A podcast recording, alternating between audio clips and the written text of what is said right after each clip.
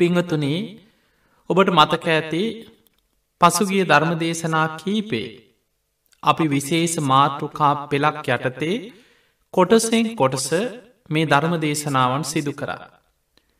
අපි මාතෘකා කරගත්තේ මේ බුද්ධ ශාසනයේ තියෙන වටිනාම මානික්‍ය. ඒ තමයි සතර සතිපට්ඨාන. වටිනාම වස්තුව සත්තිස් බෝධිපාක්ෂික ධර්මයන් අතර දවසක් බුදුරජාණන් වහන්සේ පහාරාධ කියන අසුරනායක අසුරේන්ද්‍රය. බුදුරජාණන් වහන්සේ මුණගැහි ලහන ස්වාමීණී භාක්‍යතුන් වහන්ස මේ භික්‍ෂු භික්‍ෂුණී උපාසක උපාසිකාව. බුද්ධ ශාසනයට මේ තරං ඇලුම් කරන්න. මේ තරං ආස කරන්නේය. ඒ වෙලා බුදුරජාණන් වහන්සේ හනව පහාරාද ඊට කලින් ඔබ කියන්න. මේ අසුරයන් මහා සාගරයට මේ තරං ඇලුම් කරන්නේ ආස කරන්නේ ඇයි. ඒ වෙලාවේ පහාරාද කරුණු අටක් විස්තර කරනවා. ඒ අසුර පිරිස මහා සාගරයට ඇලුම් කරන හේතු අටක් බුදුරජාණන් වහන්සේට එකින් එක විස්තර කරා.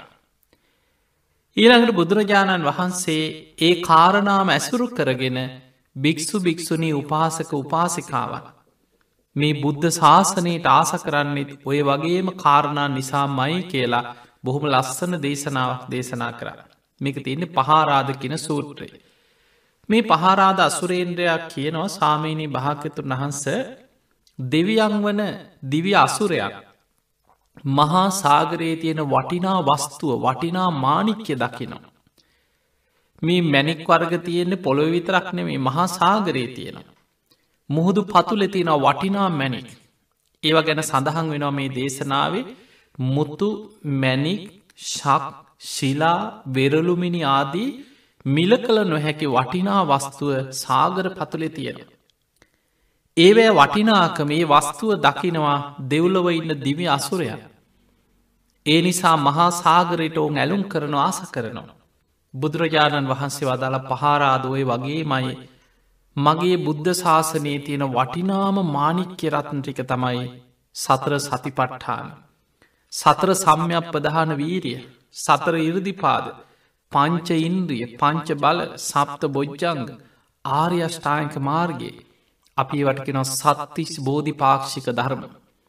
ඒවෑ වටිනාකම දන්න භික්‍ෂු භික්‍ෂුණී උපාසක උපාසිකාවන් බුද්ධ ශාසනයට මේ තරං ඇලුම් කරනවා ආස කරනවා කියල බුදුරජාණන් වහන්සේ වදාළ.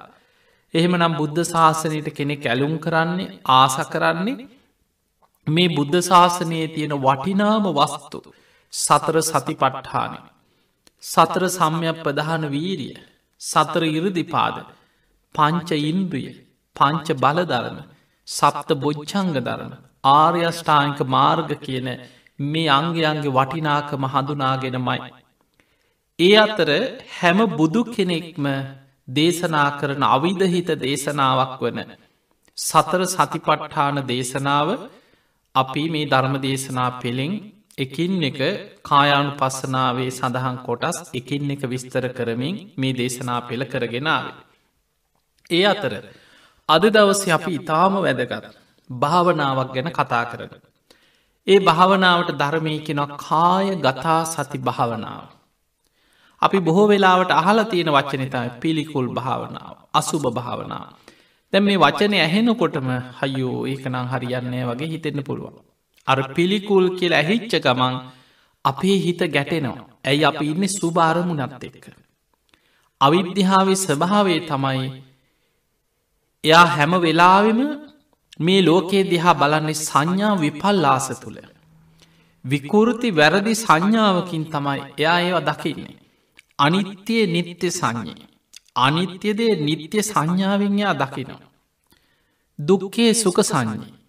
ඇත්තටම දුකක් වුණාට ඒක සැප සංඥාවෙන්යා දකින්න එකතම අවිද්‍යාව. අනාත්මදේ ආත්ම සංඥාවෙන් දකි නොම එක මම මගේ මටෝන විදියට පවත්වන්න පුළුවන් කියලම හිතෙන. ඒක තමයි ආත්ම දුෘෂ්ටි. අසුබේදේ සුභ වසයෙන් දකින. අසුභ දෙයක් වුණාට ඒක සුභ සංඥාවෙන් තමයි ගන්න.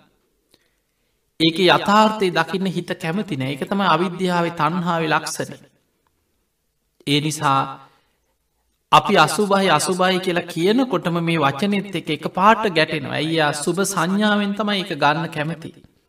හිත කැමති නිත්‍යයි සැපයි ආත්මයි සුබයි කෙන මේ වැරදි විකෘති සංඥා විපල්ලාසි තුළඉන්න. එනිසා පිංහතුනි අපේ ජීවිතයේ යථාස භාවි දැන් අපි මේ පිළිකුල් භාවනාව තුළ විමසල බලන්නේ නැති දෙයක් නෙමේ. බොරුවට මවාගත්ත පිළිකුලක් සිහි කරනවා නෙමේ. අපේ කයි ඇත්තම ස්වභාවය ඇත්ත ඇති සැටියනුයි දකින. අන්න එහෙම දකිනකොට ඒවා හේතු පල වසයෙන් දකින්න මෙන්න මේ හේතුව නිසා මේක හටගන්නවා මේ හේතුව නිසා නැති වෙලාය. මේ ශරීරයේ විනිවිදගෙන මේ ශරීරයේ සකස් වෙච්ච පටවි ආපෝ තේජෝ වායෝ කියන සතර මහා ධාතුන්ගේ අතාස භාවේ අපි නුවනින් දකින්නේ. අන්න එහෙම දකින්න දකින්න අපිට දහම් මැස නුවනැස ප්‍රඥා ඇස අපිට යමක් විනිවිදේක යථහස භාවෙ දකින්න පුළුවන් නුවන පහළවෙන. පිංගතුනි බුදුරජාණන් වහන්සේ දේශනා කරා අපි දන්නෝ සාමාන්‍යයෙන් මේ ලෝක මිනිස්සු ගත්ත හම රාග දවේශ මෝහ හැමෝගෙම එකම ප්‍රමාණවලින් එකම සුරූපවලින් පවතින වන්නෙමෙ. රාග චරිත ඉන්නවා. රාගේ අධිකයින්නවා. ඊළඟට රාග සිත් අඩු දවේශය බලවත් අයි. සමහරයට තියෙනව රාගෙනම දවේශය තමයි ගොඩක්ම බලල. සමහරයි නම් මෝහ චරිත මෝඩකම අනුවනකම ගොඩාක් බලවත් ඔක්කොටෝ වඩා. එදකොට මේ මේ ක්ලේෂ ධර්මයන් අඩු වැඩි වසේ සමහරයට සද්ධාව බලව සමහරයි හිතේ විසිරීම විතක්ක චරිත ඉන්නවා. එතකොට මේ වගේ එක එක කෙලෙස්වල ස්වභාවය අනුව බුදුරජාණන් වහන්ස මේ ලෝකෙ පුද්ගලයම් පෙන්වා. ඒ අනුව බුදුරජාණන් වහන්සේ කවස්ථාවක පෙන්නනවා මේ ඒ ඒ ක්ලේෂයන්ගේ ස්වභාවය අනුව ඒවා යටපත් කරන්න නම් මෙන්න මේ විදිහට භාවනාවල් වැඩිපුර වඩන. ඒ තමයි අසුභහ භාවේ තබ්බා රාගස්ස පහනාය. අසුභ භාවනා වැඩිපුර වඩද්දී. වැඩි වැඩියෙන් පුරුදු කරනකොට. රාග සහිත සිත ප්‍රහාණයවීම පිණිස පවතින. මෙත්තා භාවේ තබ්බා ව්‍යාපාදස්ස පහනාය. කෙනෙක් මෛත්‍රිය වඩනවා නිතර නිතර මෛත්‍රී සිත වඩන මෛත්‍රිය පුරුදු කරනවා. ව්‍යාපාදයේ තරහාව ප්‍රහාණයවීම පිණිසේ මෛත්‍රිය උපකාර කරනවා. ඊළඟට අනිත්‍ය සංඥා භාවේ තබ්බා අස්මිමානා සමුග්ගහතාය. මේ මම මගේ මගේ කෙන මේ දුෘෂ්ටි අස්මිමානය නැති කරගන්න අනිත්‍ය මනසිකාර අනිත්‍ය අනුව බැලීම යාට උපකාර වෙන. ඊළඟට ආනාපාන සති භාවේ තබ්බා විතක් වූ පච්චේදාය. කෙනෙ ආනාපාන සති භාවනා වඩනවා බහුල බහුල වසයෙන් වඩනවා.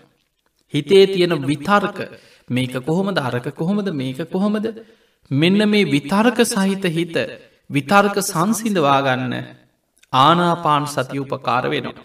තිය නිසා අපේ හිතේ ස්වභාවය හොඳට තේරුම් අරගෙන ඒ ඒ මොහොතේ බලවත්වෙන ඒ ක්ලේෂ ධර්මයන් යටපත් කරගන්න අපට මේ භාවනාව ඉතාම වැදගත්වෙන. ඊළඟට මේ භාවනාව පටන්ගන්නකොටම ඔබ තේරුම් ගන්න ඕන දෙයක් තමයි අසුභ භාවනාව කරා කියලා කරපු පමණින් රාගේ නැතිවෙන්නේ. මේ රාගේ කියලා කියන්නේ සංයෝජනය. කාම රාග පටික එක සංයෝජනයක් හැටියට තියෙන. මේ රාගසිත සම්පූර්ණයෙන් නැතිවෙන් මතකතියාගන්න සෝවාන් පලට පත් වනත් ඒ රාග සහිත සිත ප්‍රහාණය වෙන්නේ. සෝවාන් වෙන්න කෙනාට සක්කායිදිට්ටි විචිකිච්චා සීලබ්බත පරාමාස කියන ත්‍රිවිධ සංයෝජන පමණයි ප්‍රහාණය වෙන. හැබැයි ආර්ය කාන්ත සීලෙන් යුක්තයි. තමන්ගේ හිතේ රාග සිතුවිල්ලක් ඇති වුනත් ඕ කිසිම විදිහකින් අපායගාමි අකුසලේකට වැටෙන්නේ නොමග යන්නේ. ඔහු ඒ සිතුවිල්ල හඳුනගෙන එක ධර්මය තුළින් මෙනෙහි කරලා යටපත් කරගන්න. ඊළඟට සකදාගාමියයි. කාමරාග පටික සම්පූර්ණයෙන් නැති වෙලා නෙමෙමි. සකදාගාමී පලට පත්වෙනකොට තුනීවීමක් යටපත්වීමක් පමණයි සිද්ධ වෙන. කෙනෙක් අනාගාමි වෙන අන්න එතකොට අනාගාමි වෙනකොට කාමරාග පටික සම්පූර්ණයෙන් ප්‍රහණය වෙලා යන. එහෙමනම් කාමරාග පටික සංයෝජන සම්පූර්ණයෙන් ප්‍රහාණය වෙන්නේ අනාගාමී පලයට පත්වෙනකොට. ඒ නිසා භාවනා කරන්න පටන්ගන්නකොට මොකද සමහරුමි වචනය ඇහෙනකොට අම්බෝ අසුභ භාවනව්ව කරලනිගම් පව් ජීවිතය පාවී ඊළඟට බිරිඳ පාවි බිරිඳට හිතෙන පුළම් ස්වාමියයි පාවි මේ පවුල් කඩාකප්පල් වෙයි මේ ගෙවල් වල කාමබෝගී ජීවිත ගත කරගන්න බැරිවෙයි ඒ නිසා මතකතියාගන්න අපි අපේ කයේ ඇත්ත ස්භාවය යථා ස්භාවය නුවනින් දකිනකොට අපිට ජීවත්වීමේදී එදිනෙදා බුද්ධිමත්ව නුවනින් ප්‍රඥාවෙන් තීරණ ගන්න අපේ ජීවිත ගැන අවබෝධයෙන් දකින්න උපකාර වෙන. ඒ ඇරෙන්න කෙනෙක් භාවනා කරා කියල මේ පැයිභාගයක් පැයක් භාවනා කරා කියලා අසුභ වසයෙන් වැඩුව කියලා මේ භාවනාව කරනකොටම පටන්ගත්ත ගමන් අනාගාමියන අනෙමේ කාමරාග ප්‍රහණය වෙන්නේ. හැබැයි බුදුරජාණන් වහන්සේ පෙන්වා මහනෙන එයා නිතර නිතර භාවනා කරනකොට යාගේ අර ඇවිස්සෙන රාග සහිත හිත තමන්ට දමනය කරගන්න පුළුවන් විදියට යටපත්වෙනවා. එක වෙන්න යට පත්වීම. තමන්ගේ පාලනයට දැන් පාලනයක් නැති කෙන. ඔබ හිතන්න මිනිස්සු රාගේ බලවත් වනාට පස්ස මිනිස්සු සත්තු වගේ. සමහර සිදුවීන් අහනකොට මේ මිනිස්සු විකෘතිය වර්තමානය එන්න එන්න අර කොසොල් රජ්ජුරුවන්ගේ සීන සැබෑවෙන කාලයක් වගේ නොසිතන විකෘති දේවල් ලෝක අපිට අහන්න ලැබෙන. සමහරලාට මේ මගේ අම්මනේද මේ මගේ දරුවෙක් වගේ කෙනෙක් නේද. මේ මගේ ගුරුවරයෙක් නේද? මේ මගේ සහෝදරයනේද ඔ බලන්න සමාජයේ දෙමවපිය සමහර තමන්ගෙම දරුවන් නොයෙක් විදිහේ දුරාචාරවලට යොදෝනු. සමාජයේ සමහරු සත්තු වගේ දේශනාවල සඳහන් වෙන අනාගතයේ මේ කෙලෙස් ඇවිස්සිල ඇවිස්සිලා අපි මේ ඉන්න කෙලෙස් ඇවිස්සෙන කාලෙක. අවුරුදු සීයෙන් පහලට මිනිස්සුන්ගේ ආවිශ පිරිහෙනවා කියන්නේ විකෘති රාගයක්. විෂම රාගයක් ඇතිවෙන අධර්මරාගේ විෂම ලෝබය මිත්‍යා ධර්මය බලවත්වෙනවා ඒව බලවත් එනකොට දීගනිකායි චක්‍රවති සීහනාද සූට්‍ර බුදුහාන්දුර පෙන්වා මිනිස්සු එල්ලුව බල්ලු බලල්ලු තිරිසන්නුන්ට අන්තයි කින රාගේ ලැජ්ජ බයි කියන දෙක නැතිවෙනවා සමාජ. ඒ නිසා එවැනි විකෘති ක්ලේෂයන් තමන්ට යටපත් කරගෙන තමන්ට තමන්ගේ හිත පාලනය කර ගැනීමේ ශක්තියනවා මේ භාවනාවල් පුරුදු කරගත්ත කෙනාට. බුදුහාන්දුර උපමාවකට පෙන්වා මහනෙන මේ රාග සහිත හිත හරියට ගින්දරකට කුකුල් පිහාට්ටක් ලංකරාවගේ. ඔබ හිතන්න ගිනි ගොඩක් තියෙන. මේ ගින්නට කුකුල් පිහාටක් ලංකරා කියලා කුකුල් පිහාට නැතිවෙන්න. උුණු වෙලා ඇකිලෙන. අන්නේ වගේ තමන්ගේ ඇවිස්සෙන දමනය කරගන්න අපහසු රාගසිත තමා තුළ ඇකිලිලා යටපත්වෙනකි. අන්නේ නිසා අසුබේ වඩන්න පිළිකුල මෙනෙහි කරන්න.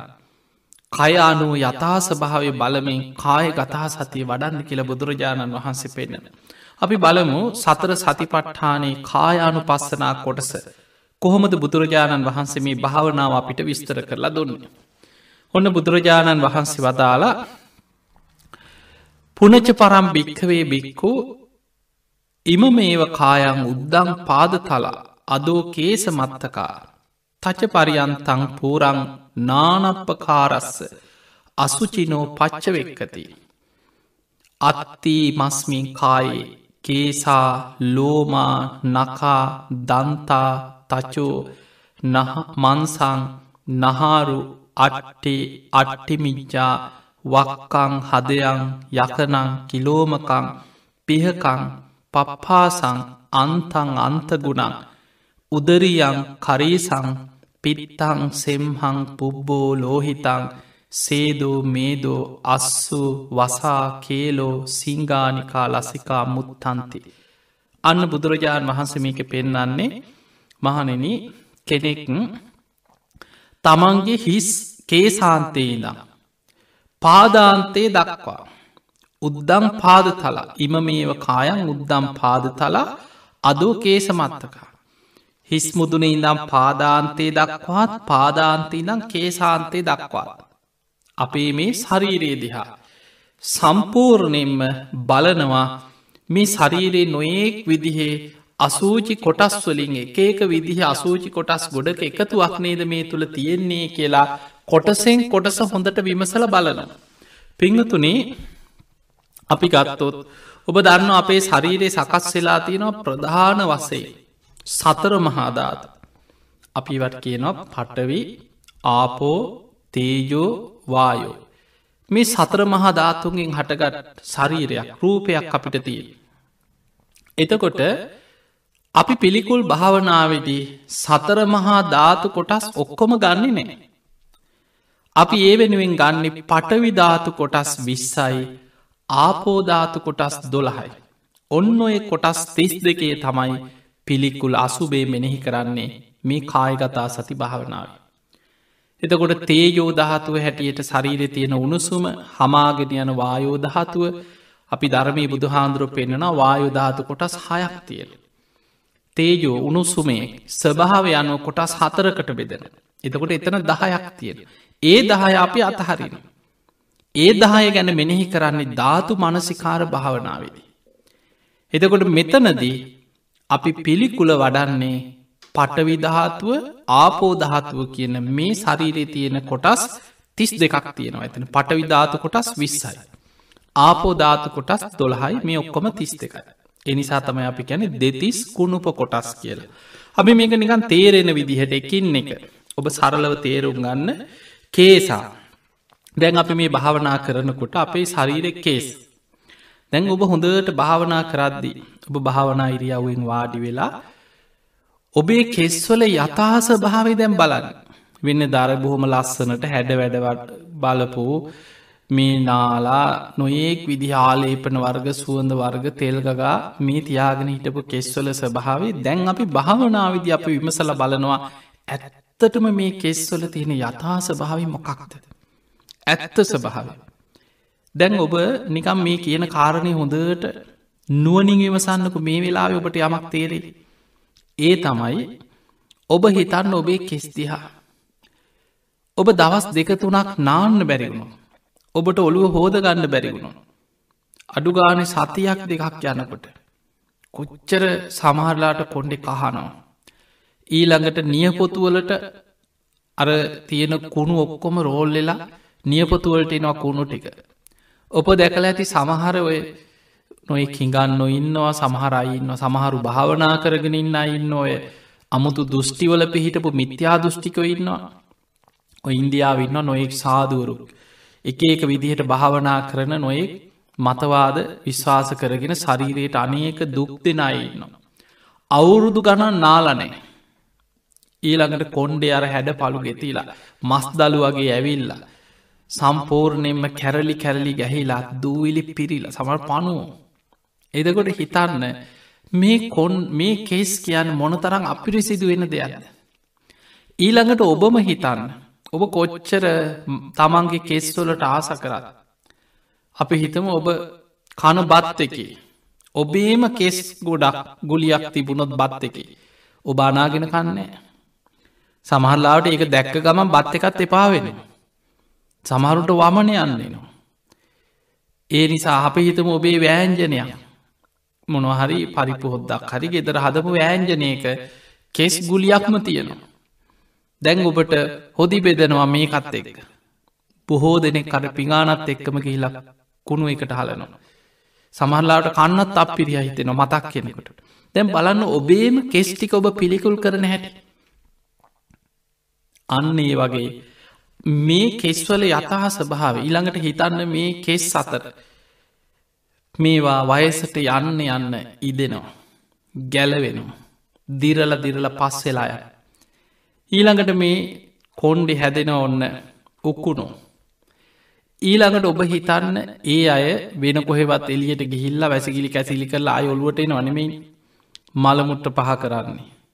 ජීවත්වෙන්නේ. මැරිලා යන්නේ. මැරුණට පස්සෙ කුණු වෙලා යන්නේ. ඒ ඔක්කොම ඔවුන්ගේ ගම්මානයක් වගේ ඔබේ හිස කියලා කියන්නේ ඒ සත්‍යයන්ට ගම්මාන ගමක මිනිස්සු ජීවත්වෙන. පැටව් හම්බෙන බිත්තර දානු. ඊළඟට ඒ අය ඔබේම ඔළුවේ තියෙන තැන් තැන්වොලින් ලේටික උරාගෙන බීලා ඔවුන් පෝෂණය වෙන. ඊළඟට ඔවුන් ඒ හිසේම මැරෙනවා මැරිලයි ඔළුවම කුණු වෙලා යන. දැන් ඔබ ඕවා මෙනෙහි කරනකොට මේ ඇත්තත්ද බොරුවත්ද. ඔබ හොඳට බලන්න මේ සිහි කරන්නේ ඇත්ත ස්වභාවේ. එහෙමනං අපේ කෙස්සල තියෙන ඇත්තම ස්වභාවය ගත්තොත් පිළිකුලයි. පිළිකුලයි. ඒ නිසයි අපි නිතර පිරිසිදු කරන්න. සුවඳ විලවුන් ගල්වන්නේ. අපි නිතර හෝදන්නේ. නොඒ කාලේපන වර්ග යොදන්නේ. ඇයි දුර්ගන්ධය හමන නිසා. ඇත්තම ස්වභාව පිළිකුලයි. අන්නේ නිසා අපි අපේ කෙස්වල යථා ස්භාව ඇත්ත ස්භාවය සිහි කරනවා මේක පිළිකුලායි කියල මෙනෙහි කරන. ඊළඟට ලෝමා ලෝමා කියල කෙන රෝමකෝප.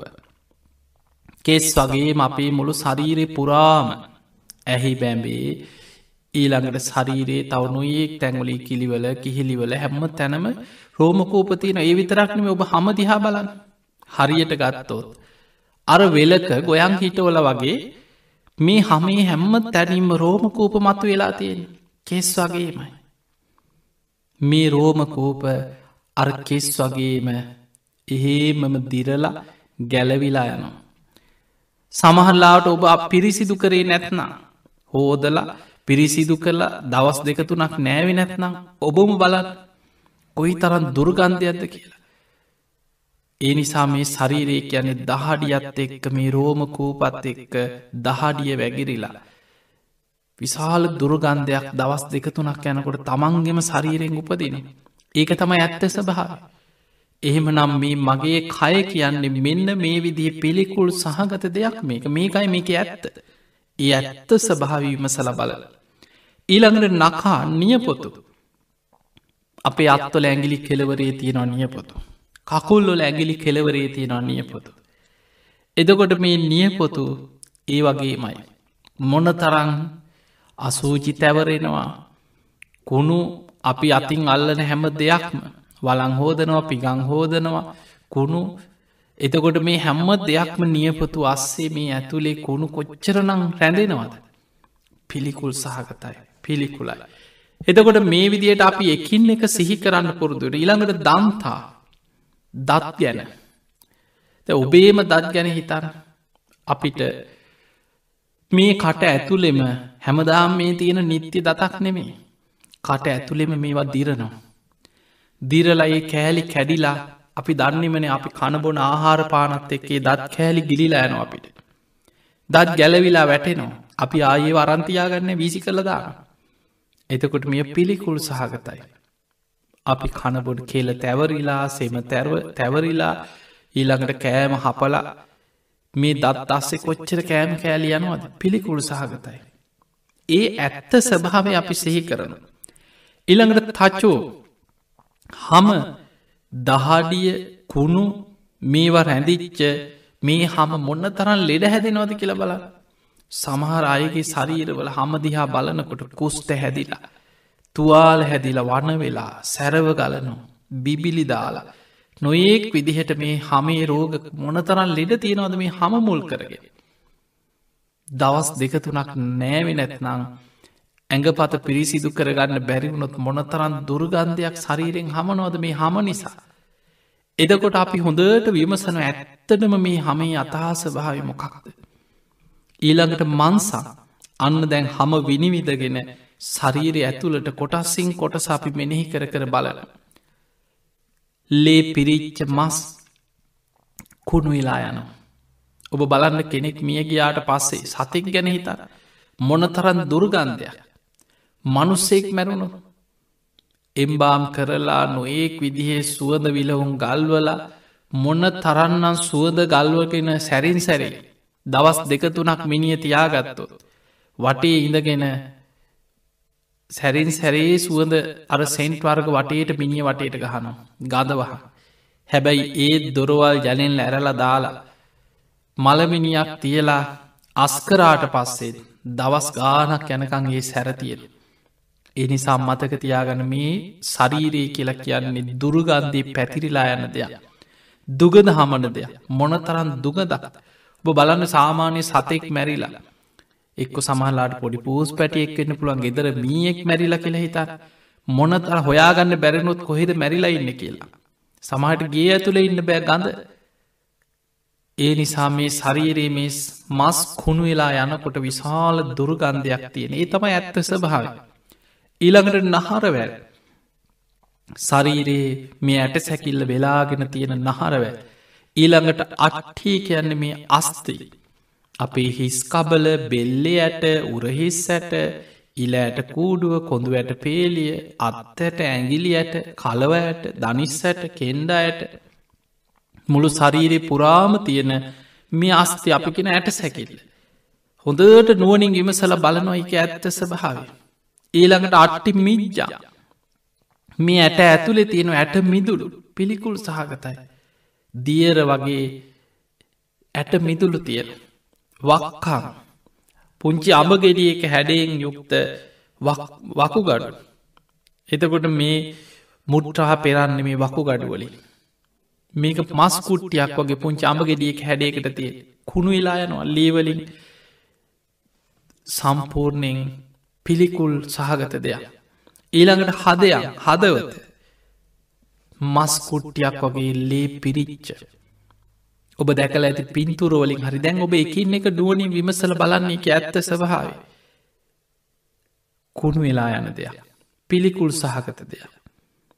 ඊළඟට යකනා. නොඒක් පිළී ගද ගහන කුණු වෙලා යන මස්වලින් හැදිල තියෙන පපුුවේ. මේ දෙතන මේ දකුණු පැත්තට වගේ වෙන්න තියෙනවා. අපි සාමාන්‍යකෙන අක්මාව. එතකොට මෙන්න මේ අක්මා කිලෝමකා ඊළඟට දලබුව පිහකං කියන බඩදිව පප්පාසා එතකොට මේ වගේ පෙනහලු ඔබ පෙනහල් වල ස්භාවි දැකල ඇති. මස්වලින් හැදිච්ච කවර දෙකක හුස්ම ගන්නකොට පිම්බෙනවා. හුස්ම හෙලනකොට ඇකිලිලා යන එතකොට මේ මේ ඇතුළෙ තියෙන ස්වභාවේ හමකින් වැහිලා තියෙනකොට පිට තියෙන දේවල්වලට වඩා ශරීරය ඇතුළි ස්භාවේ දකිනකොට මොනතරම් පිළිකුල් සහගත ස්භාවයක් කෙනෙකුට ඇති වෙනවා. ඒ නිසාමේ එකින් එක එකින් එක අන්තං අන්තගුණං බඩවැල් කුඩා බඩවැල් උදරියන් එදකොට මේ කුස ඇතුළෙ තියෙන අපි සාමාන්‍යකෙන ආමාශය කියලා. කරී සංකයන අසූචි. මේ බඩවැල් ඇතුළේ තියෙන අසූචි රැඳල. මත්තලුංගා පිත්තං එතකොට මත්තලුංගන් කෙන හිස් කබල ඇතුළේ තියෙනවා හිස් ලොඳ. මත්තලුංගන් කියන්නේ එකයි තාමානයර පුරුම් බලොඳ ගොඩක්ගේම හිස් කබල ඇතුළ තියෙනවා. හිස් ලොඳ හිස්මොල කියලා අපි කියන්න. එතකොට තව දැන් මේතික පට විදහතු ඊළඟට මේ ශරීර තින වැගිරිලා යන දේවල් ගොඩක්. ඒවා අපි ඒවට කියනවා ආපෝදහතු එවැනි කොටස් දොළහක් බුදු හාතුරු පෙන්නවා මේ පිළිකුල් භාවනාව කරනකොට පිත්තං සෙම්හං පුබ්බෝ ලෝහිතන් සේදෝ මේදෝ අස්සු අසාකේලෝ මේ විදියට. පිත්තම් පිත. කහපාට දියරයක් තියෙන මේ ශරීරේ. ඊළඟට සෙම්හං සෙම. ඔබ දන්න සුදු පාට පෙන සහිත තියරයක් එන සෙම. පුබ්බෝ. ඊළඟට එතන පුබ්බෝ කියලා කියන්නේ සැරව තුවාලයක් හැදිල තුවාලේ කුණු වෙලා යනකොට සැරව ගලන කහපාටට. ලෝහිතා ශරීරෙ පුරාම තියෙනවා. ලේ රතු පාට පිළි ගද ගහන දීරයක් සේදෝ දහඩිය වැගිරිලා යන දේවල්. ශරීරෙ පුරාම තියෙනවා. ලවන සහිත දහඩිය. මේදෝ කහපාටින් යුක්ත. මේ හමත් එක තියෙනවා තෙල් තට්ටුවක්. තෙල් මන්ද කියලපි කියනවා. අස්සු කියන කඳුළු. වසා. එතකොට ඒත් තෙල් මන්දත් එක්ක වැකිරිලා යන දේවල් තියෙනවා. ඊළඟට කේලො කෙල.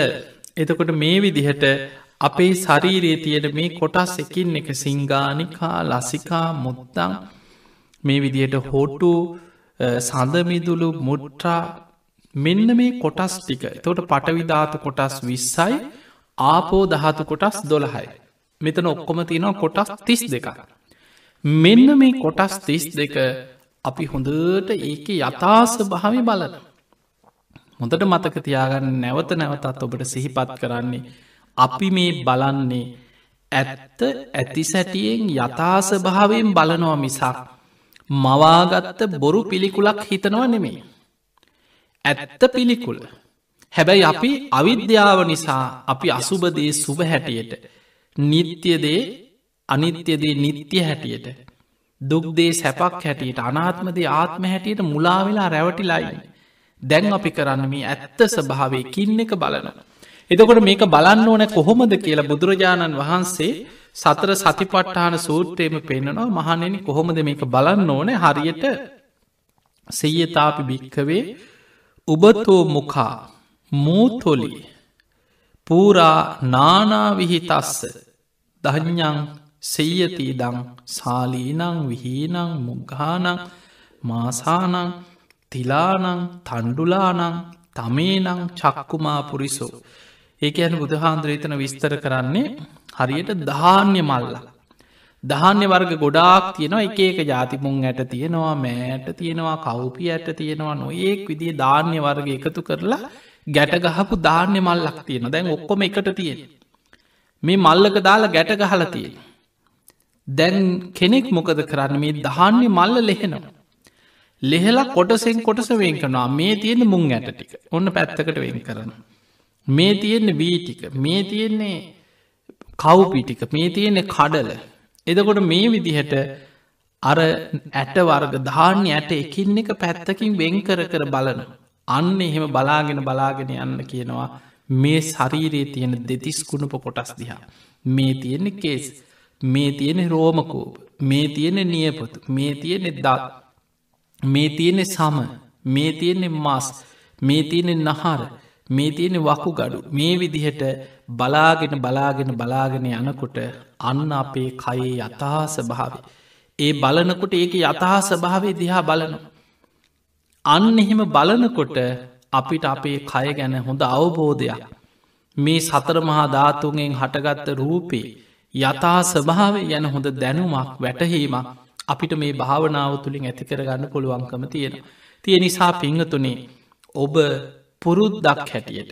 ඔබ පුරුදුවෙන් ඔබේ ජීවිතය තුළ යතහා ස්භාවි මෙනෙහි කරන්න. එහෙම මෙනෙහි කරනකොට මදගතියාගන්න මේ පිළිකුල් භාවනාව කැනෙ සමත භාවනාව. සමත භාවනාවෙන් ඇතිවෙන්නේ සමාධිය. සමාධිය කියලා කියන ප්‍රනීත දෙයක්. දැන් කෙනෙකුට මේ වචනය ඇහෙනකොට හිතෙන ඕක අනි පැත් අම්මෝ පිළිකුල ඔය අපිරියාව ඔය පිළිකුල් අසුබේ ඔව සිහි කරනකොට ඕක නිකන් නෙගෙටව් වගේ කියලා හිතෙනවා. එහෙමනි සාමාරු කියන්න මේක රිනාත්මකයි මේක නිකන් නෙගෙටව් එතකුට නිකන් ජීවිත නිකන් ඉපා වෙනවා ජීවිතවලට නිකන් සතුට සන්තෝසෙන් ඉන්න තියෙන මේ විඳින්න තියෙන එක නැතිවෙයි එහෙම හිතෙන. ඒ අර වචනේ පිටිං අල්ලල වචන සුරූපය දැකලයි හිතෙන. නමුත් භාවනාවක් වසෙන් වඩනකොට කයේ අතාස භාවි වැටහෙන්න වැටහෙන්න. එයාට ජීවිතයේ අටලෝ දහම ඉදිරියේ පවා අකම්පිත කෙනෙක් බවට පත්වෙනවා කියල. ලාබ අලාභ සැපදුක යසායස නින්දා ප්‍රසංසා මේ හැම දෙයක්ම ඉදිරියේ අකම්පිතයි. ඇයියා ජීවිතය අතාස භාවි දන්න. කයේ අතාස භාවි දන්න එයා ඉන්න අවබෝධයක් තුළ මුලාවක් තුළ නෙමේ. එයා කය විනිවිදගෙන දකිනවා.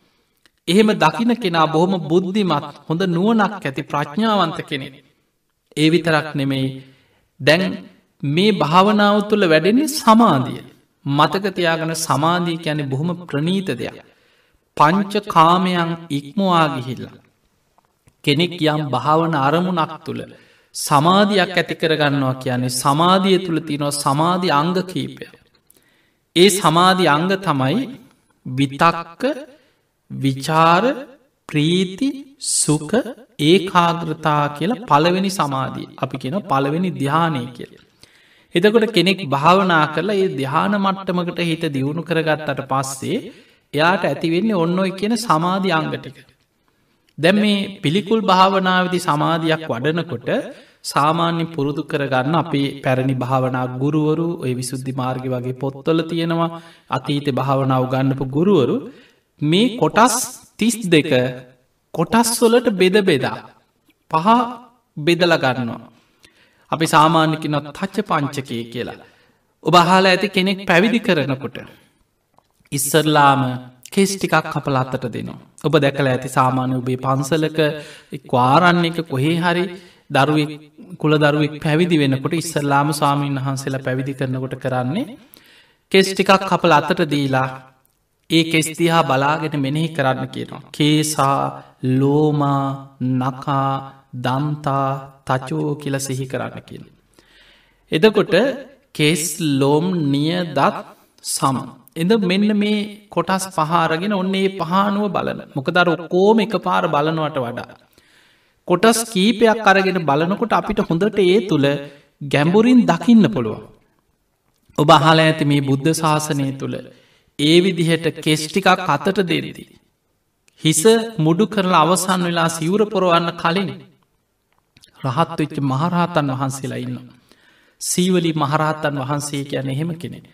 සීවලි කුමාරයා බුදුරජාණන් වහන්සේ සාරිපුත්ත හාන්දුරුවන්ට තමයි පැවරුයි සාරිපුත්ත මේ සීවලිය පැවිදි කරන්න කියලා. සීවලී කුමාරයට පලවෙනි කෙස්ටික කපල අතට දුන්නා. සාරිපුත්ත හාන්දුරු සීවලී මේ කෙස් මෙනෙහි කරන්න. යෝනිසෝ මනසිකාරයෙන් කෙස්තිහා බලන්න. කේසා ලෝමා නකා දන්තා තචෝ කියල කයි අතාස භාවි මෙනෙහි කරන්න. අර කෙස්ටික අතේතියාගෙන පිළිකුල් වසේ මෙනෙහි කරනකොට සෝතා පන්න පලට පත් වුණා. දෙවනි කෙස්ටික කපල අතට දුන්න සීවලී මේ කෙස් දිහාත් හොඳට නුවනින් විමසන්න කෙස් දිහා. බලාගෙන කයානුව ගලපල බලන්න කේසා ලෝමා නකා දන්තා තචෝ කියල මෙනෙහි කරන්න. ඒ කෙස්තිහා බලාගෙන මෙනෙහි කරනකොට සකදාගාමී පලයට පත් වුණ. තුන්වෙනි කෙස්්ටික කපල අතට දුන්න අනාගාමී පලට පත් වුන ඒ කෙස් අනුව මෙනෙහි කරන. හිස මුඩු කරලා අවසන් වෙන්නකොට සිවුර පොරවන්නත් පෙර අරහත්වයට පත් වන උතුම් මහරහතන් වහන්සේ නමක් බවට පත් වුණ. අපි කවුරුත් දන්න ප්‍රත්තිලාබීන් අතර අගතැම්පත් සීවලී මහරහත්තන් වහන්සේ රහත්වෙන්න ඔය විදිහට. එහෙමනං කෙනෙකුට මේ කයි අතා ස්භාව මෙනෙහි කරනවා කියන්නේ ධර්මාවබෝධයට මේ භාවනා උපකාර කරගන්න පුළුවන්. ඊළඟට භාවනා ගුරුවරු අපිට මේ භාවනාව ප්‍රායෝගිකෝ පුරුදු කරද්දි පෙන්නල දීලා තියෙනවා. කොටස් පහ පහ අරගෙන මේ භාවනාව වඩන ක්‍රමය. එනිසා ඔබ මේ භාවනාව සමාධයක් හැටියට පුරුදු කරනකොට. අපි මේ කොටස් තිස් දෙකම අනුව හොඳට විමසල බල නොයික හරි. හැබැයි ඔබ සමාධයක් වඩනකොට ඔබ ගැඹුරෙන් වඩාගෙන යනකොට. ඔබ මුලින් කොටස් පහක් ගන්න. කේසා ලෝමා නකා දන්තා තජෝ මේ කෙස් රෝමකූප නියපොතු දත් සම කියන මේ කොටස් පහාරගෙන ඒ කොටස් පහේ අතාස භාවය හොඳට විමස විමස බලන. ඒ බලද්දී තවදුරටත් ඔබට හිතෙනවන මට ඊට වඩා කෙස් ගැනම බොහෝ වෙලාක් විමසන්න පුළුවන්. එයා ඒ කෙස් අනුවම විමසීමස බලන. ඊළඟට රෝමකෝප අනුවම බොහෝ වෙලාක් විමසීමස බලන. එතකොට එහෙම වෙන වෙනම විමසීමස බලනකොට එහි යථා ස්භාව අවබෝධ වෙනවා වගේම පංච නීවරණ ඔස්සේ හිතදුවන්නේ නෑ. ද අප හිතම ඔබ කෙස් ගැන හොඳට විමසලා භාවනා කරන කෙනෙක් කියලා. දෙතිස් කුණුප කොටස් වලින් කෙස් කියන මේ කුණුප කොට සෝස්සේ දැන් ඔබ හොඳට හිත වඩන. කෙස්වල රූපය සුරූපය ඒක හැඩ තලමි ඔක්කොම ඔබට හිතට දැම්මැවෙන. ඔබ හොඳට කෙස්වල යථා ස්භාවේ මෙනෙහි කර කර එක පිළිකුල මෙනෙහි කර කර. එහි යථා ස්භාවය හොඳට බලන. එහෙම බලාගෙන බලාගෙන භාවනා කරගෙන යනකොට බොහෝ වෙලාවක් ඔබේ හිත මේ අරමුණේ රැඳෙනවා කියන්න. ඔබේ හිත කාමච්චන්ද ව්‍යාපාද තීනමින්ද උද්දච්චකුක්කුච්ච විචකිච්චා මේ අරමුණුවලට දුවන්නේ. එහෙම නං ඔබ තුළ හිතේ එකඟතාවයක් සමාධයක් ඇතිවෙනකොට ඔබ තුළ ප්‍රකට වෙනවා ලක්සන පහ. ඒ තමයි විතක්ක විචාර විතක්ක විචාර කියන්න ඔබ භාවනා අරමුණ ඒ භාවනා නිමිත්ත විතක්ක නැවතන හිතෙන් සිහි කරන. විචාර කියන එක නැවත නැවත සිහිකර කර විමසනවා. කෙස්නං කෙස්සොලේ අතාස භාවය නැවත නැවත මෙනෙහි කර කර ඒ අරමුණේම විමසමින් අපි හිත පවත්වන. ප්‍රීති අන්න බලන්න සමාධියංගයක් ප්‍රීතිය කියලා කියන්නේ පංචකාමයන් ඉක්මවා ගිල්ල නිරාමිස සතුටක් හිත ඇතුළෙ උපදින. සමාධීක ලක්ෂණය සමාධියක තියෙන අංගය ප්‍රීතිය. ඊළඟට සුකේ ලොකු සැහැල්ලු බවක් එක කයට ලොකූ සැපයක් දැනෙන. ඒ කාග්ගතා හිත එකඟ වෙලා තියෙන මේ අරමුණ තුළ. එදකොට ඔය විදිහට අපට මේ පිළිකුල් භාවනාව ගැඹුරින් වඩන කෙනෙකුට ඒ ඒ කුණුප කොටා සනුව එකින් එක ඔය විදිහට හිත වඩාගෙන හිත ඉහලට දියුණු කරගන්න පුළුවන්කම තියෙන. ති එනිසා පිංහතුනේ බුදුරජාණන් වහන්සේ අපිට හරියට පෙන්ව මේ ශරීරයේ ධාන්‍ය මල්ලක් ලෙහෙල බලනා වගේ මේ ශරීරෙ කොටසෙන් කොටස ලෙහලෙ හා ගැබුරින් බලන්න කියන. එහෙම බලනකොට මතක තියාගෙන ඉස්සරලා බලන්නේ තමන්ගේ කය ගැන. ඉති අජ්ජක් තංවා කායේ කායානු පස්සේ විහරති. අන්න හොදට බලනවා ඇත්තටම මගේ කය මේ හිස්මුදුනේ ඉදම් පාදාන්තය දක්වාත් පාදාන්තිනම් කේසාන්තය දක්වා හරියට ධාන්‍ය මල්ලක් ගැටගහලතිනා වගේ මේ දෙතිස් කුණු පොකොටස් වලින් යුක්ත මේ කයි ඇත්තම ස්භාවේ මේක නේද කියලා මුදට තමාගේ කයානෝ ඉමසල බලල. මතක තියාගන මේ ධර්මය ඕපනයිකයි. එහෙම බලන කෙනා හොඳට තමානුව බලන කෙනා. ඊළඟට ගලපල බලනවා බහිද්දාවා කායේ කායානු පස්සේ විහැරති. මේ බාහිර සමාජ ජීවත්වෙන.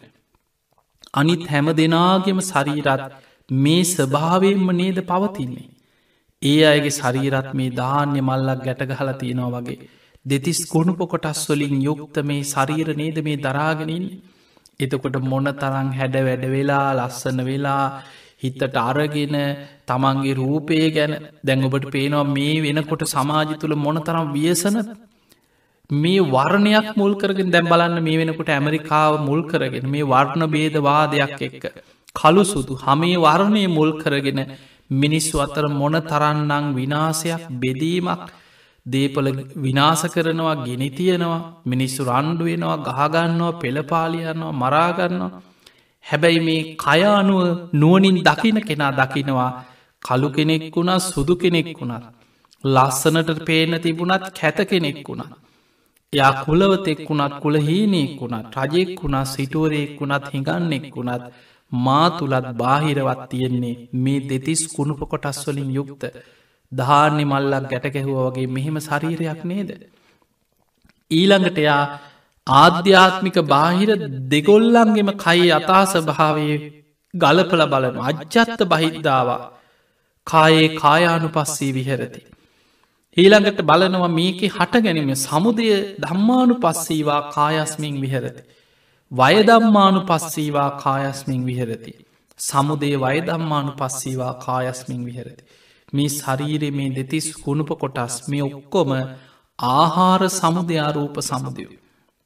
මේක හටගන්නේ ආහාර ප්‍රත්තියෙන් මේ රූපය හටගන්න. ආහාර නිරෝධාරූප නිරෝධ. ඔබ හොඳට බලන්න කණබොන ආහාර නැතිවුණු මේ රූපය පවතින්නේ. ආහාර මුල් කරගෙන හටගන්නවා ආහාර නිරුද්ධ වෙනකොට නිරුද්ධ වෙලාය. එහෙමනං මේ ආහා හේතුවක් නිසා හටගෙන හේතු නැති වෙනකොට නැතිව යන ස්භාවෙන් යුක්තයි. එහි හට ගැනීම නැතිවීම නැතිවෙමින් පැවතීම ඒැන අනිත්‍ය දකින්නේ. සමුදය වය සමුදේ වයදම්මානු පස්සේ හටගෙන නැතිවී යන ස්භාවය හොඳට දකිමින් එයා හොඳට තමන්ගේ කයානුව භාවනා කරනවා.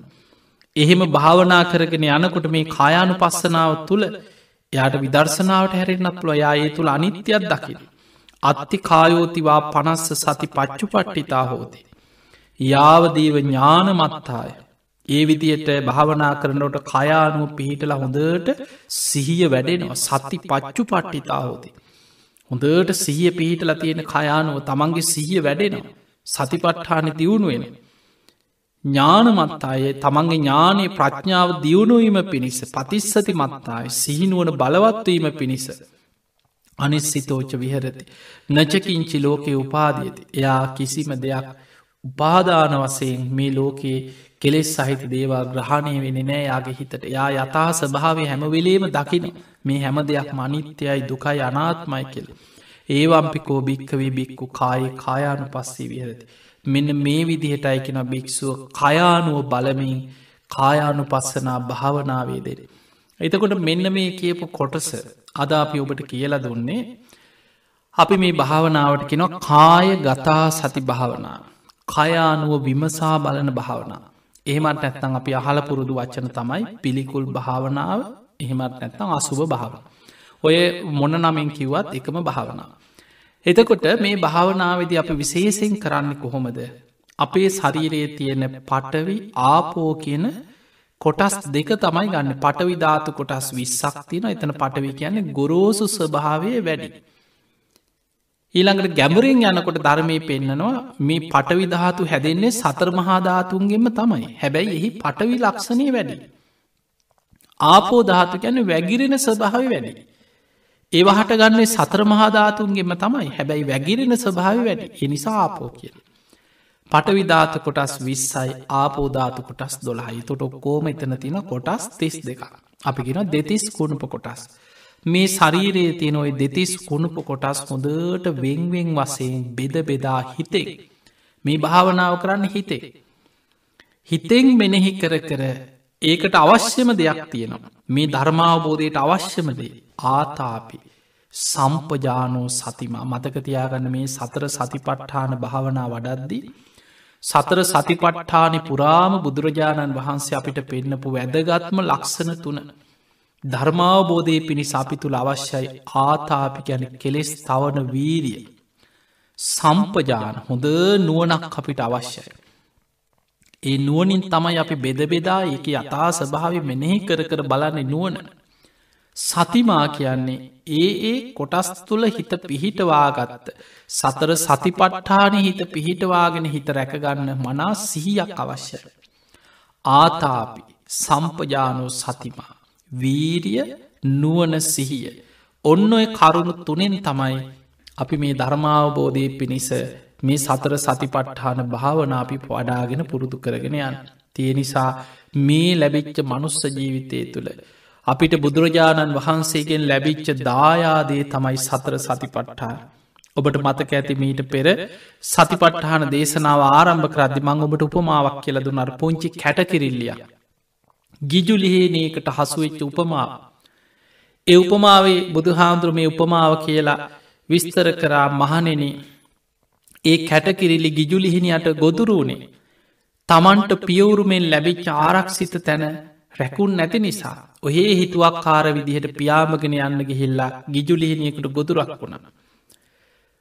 නමුත් තමන්ගේ පියවුරුමෙන් ලැබෙන ආරක්ෂිත තැන තමන් රැඳිච්ච නිසා තමන් ආරක්ෂාවුන ඊට පසුව. ඒ උපමාව බුදුහාන්දුර පෙන්නල විස්තර කරා මහනෙන නුබලාට මගේ ශ්‍රාවකයන්ට භික්‍ෂු භික්‍ෂූණි උපාසක උපාසිකාවන්ට තතාගතයන් වහන්සේ නැමති බුදුරජාණන් වහන්සේ සම්බුදු පියාණන් වහන්සේගෙන් අපට ලැබෙන උරුමයක් තියෙනවා. දායාදයක් තින බුදු හාමුදුරුවන්ගෙන් අපිට ලැබිච්ච දායාදේ ඒ තමයිකව සතර සතිපට්ඨාන. මහනෙනි නුබලා සතර සතිපට්ඨානෙ සීය පිහිටවාගෙන වාසය කරනවන්නම් නුබල ආරක්ෂා වෙනවා. නුබල රැකෙනවා. මාරයාට නුඹල ගොදුරක් වෙන්නෑ කිය. අර ගිජුලිහිනියට අහුනා වගේ කැටකිරිල්ලි මාරයාගේ ගොදුරක් නොවී ආරක්ෂාවෙන්න පුළුවන් බුදුහාන්දුරන්ගෙන් අපිට ලැබිච්ච දායාදේ තමයි සතර සතිපට්ඨාන. අන්නේ නිසා ඔබ ඔබේ ජීවිතය තුළ මේ භාවන දැන් ඔබට හිතෙන පුළන් මට මේ පිළිකුල් භාවනාවනම් මට ටිකක් අමාරුයි වගේ. පිළිකුල් භාවනාවම කරන්න ඕන කෙළෙකක් නෑ මතක තියාගන්න. ඔබට ඔබ කැමති. ඔබ හිත පිහිටන ඔබේ හිත හොඳට වැඩෙන මේ කායනු පස්සනාව ඒකයි බුදුහාන්දුර එක භාවනාවක් විතරක් පෙන්නල දුන්න නැත්තේ ඒ ඒ පුද්ගලයන්ගේ චරිතානුවේ ඒ පුද්ගලයන්ගේ ඉන්ද්‍රිය ධර්මයන් අනුව ඔවුන් සසර පුරුදු කරලා තියෙන භාවනා ක්‍රමාණුව සමහර වෙලාවට ඔබට ආනාපාන සතිය කෙනෙකුට හොඳට වැඩෙන. කෙනෙක් ඉන්න ආනාපාන් සතිය වඩන්නම බෑ කොච්චර උත්සාහගත්තත් හුස්ම රැල්ල හිත පිහිටවන්න බෑ.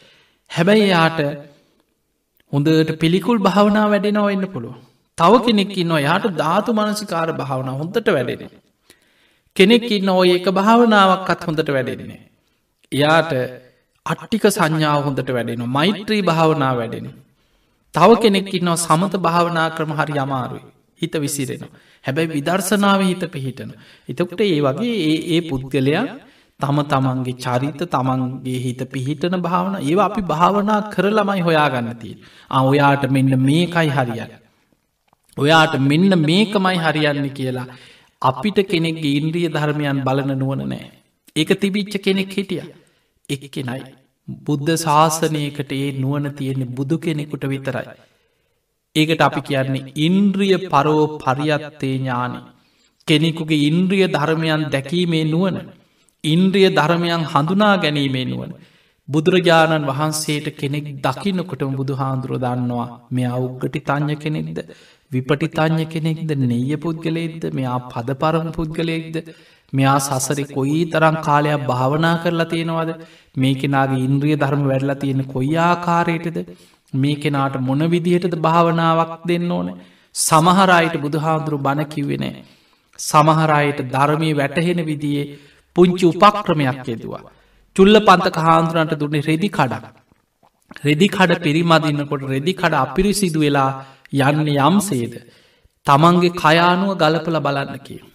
රජෝහරණන් රජෝහරණන් කියලා රෙදි කඩක් පිරිමදිනකොට ඒ රෙදි කඩ අපිරිසිදු වෙලා යන ආකාරය තමන්ගේ කයානුව විමසලා ධර්මාවබෝධි ලැබුව. තවත් සමහරයට බුදුහාමුදුරුව නෙලුම් මලක් මවල දුන්න. එක්කෝ ජේත වනේ පොකුණ ළඟට ගිහිල්ල මලක් දිහා බලාගෙන ඉන්න සැලැස්වා. ඒ මල පරවෙලා යනකොට ඒ තුළින් කයි අතාස භාවය වටහාගත්තා. සංසාරයේ ඉන්ද්‍රිය ධර්ම වැඩික් හැටි. කේමා උබහල ඇති බිම්බිසා රජ්ජුරුවන්ගේ එක බිසවා. බුදුහාමුදුරු රූපයට ගරහ කරනවා කියලා බුදුන් දකින්නවත් කැමති උන්නේ. අවසාන බිම්බිසා රජ්ජුරුවෝ මාලිගාවේ විරිඳු සිල්පීන් ලවා ගීතවලට බොහොම ලස්සනට විරිඳුවට ගායනා කෙරෙව්වා වේළුවනාරාමි සුන්දරත්වය ලස්සන හිත ඇදිලා යන්න. කේමාව හිතුවා මං එනම් ඔය කියන ලස්සන තැන බලන්න යනවා. හැබැයි මං බුදු හාමුදුරංගුණන් හම්බෙන්නේ මං යන්න උයන බලන්න විතරයි කියලා කිය. ඔය ගිය අතරි බුදුරජාණන් වහන්ස් දහම් දෙසනවා. බුදුහාමුදුරු කේමාවට පමණක් පෙනෙන්න ලස්සන කාන්තාරූපයක් ඉරදියෙන් මැව්ව. බුදුරජාණන් වහන්සේට පවන් සලන. ඒ කාන්තාරුව කේමාව බලාගෙන හිටිය මගේ රූපයට වඩා ගොඩක් ලස්සනයි බුදු හාමුදුරු ළඟ ඉන්නවානේ. එහෙනම් මේ රූපයට ගරහා කරනවා කියලා කිවි බොරුවක් වෙන්න ඇති.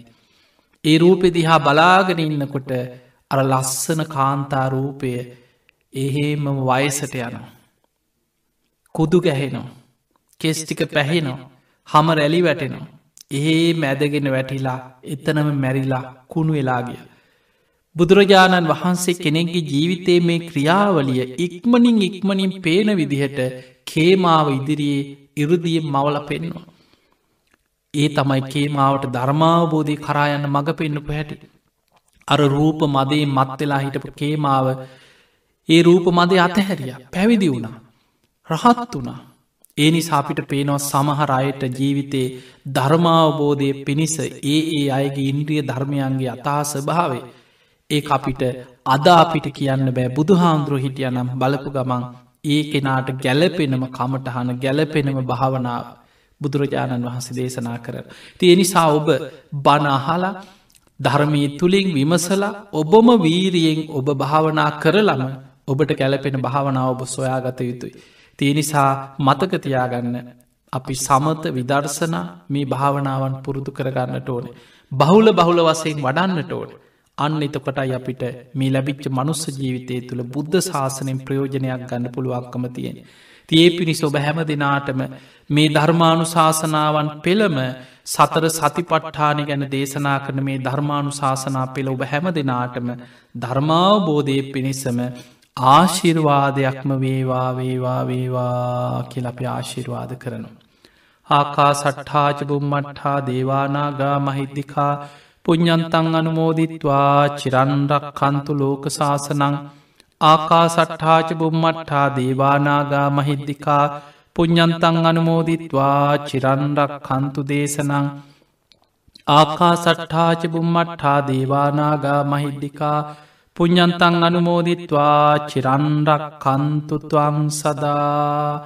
හැම දෙනාටම සම්මා සම්බුදු සරණයි.